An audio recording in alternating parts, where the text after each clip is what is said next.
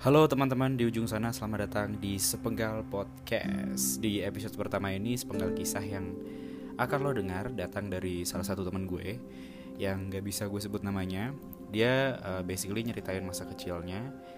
Dan before we start, uh, I'd like to tell you that uh, cerita ini dinarasiin ulang oleh gue supaya lebih enak didengar. So, uh, ini ceritanya Dari kecil gue gak kenal siapa ayah gue.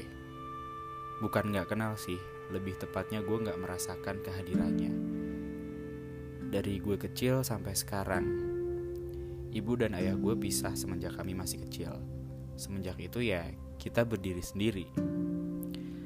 Karena itu pula gue gak pernah bisa menyalahkan cara nyokap gue mendidik gue. Trust me, separah apa pun yang bisa dibayangkan dari seorang ibu yang galak I've been there. Dulu ibu gue banting tulang banget untuk menghidupi anak-anaknya. Makanya dia nggak bisa menunjukkan sisi lemah dan melankolis dari seorang ibu. Dia mendidik kami dengan keras dan mungkin cenderung gak wajar.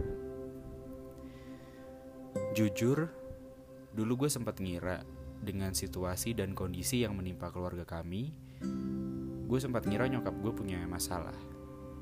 And by masalah, lo pasti tahu apa yang gue maksud. Gue ngerasa ada something yang off dari nyokap gue sampai dia mendidik anaknya dengan cara seperti itu.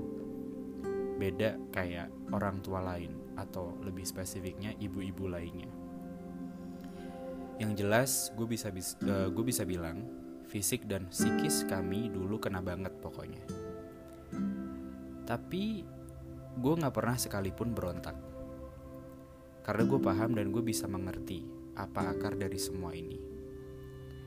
Bahkan saat gue cerita ini pun, gue masih bisa ketawa kalau ingat memori-memori itu.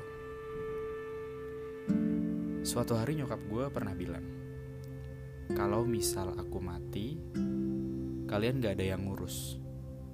Kalian harus pandai-pandai hidup, harus bisa tahan banting. Sekarang gue udah dewasa, dan gue gak pernah menyesali apa pun yang gue terima dari nyokap gue dulu. Gue udah bisa mandiri sejak lulus SMA. Kerja sendiri buat ikut bantuin keluarga kecil kami. Di umur gue yang sekarang ini, kalau misal gue flashback, gue bisa ada di tahap yang sekarang ini juga berkat didikan beliau. Bisa ngerasain kerja di negeri orang dan maju ke depan. Ibu, kalau misal ibu denger ini, kakak cuman mau bilang, makasih udah jadi ibu kami. Semoga ibu sekarang bahagia dan lebih tenang di surga.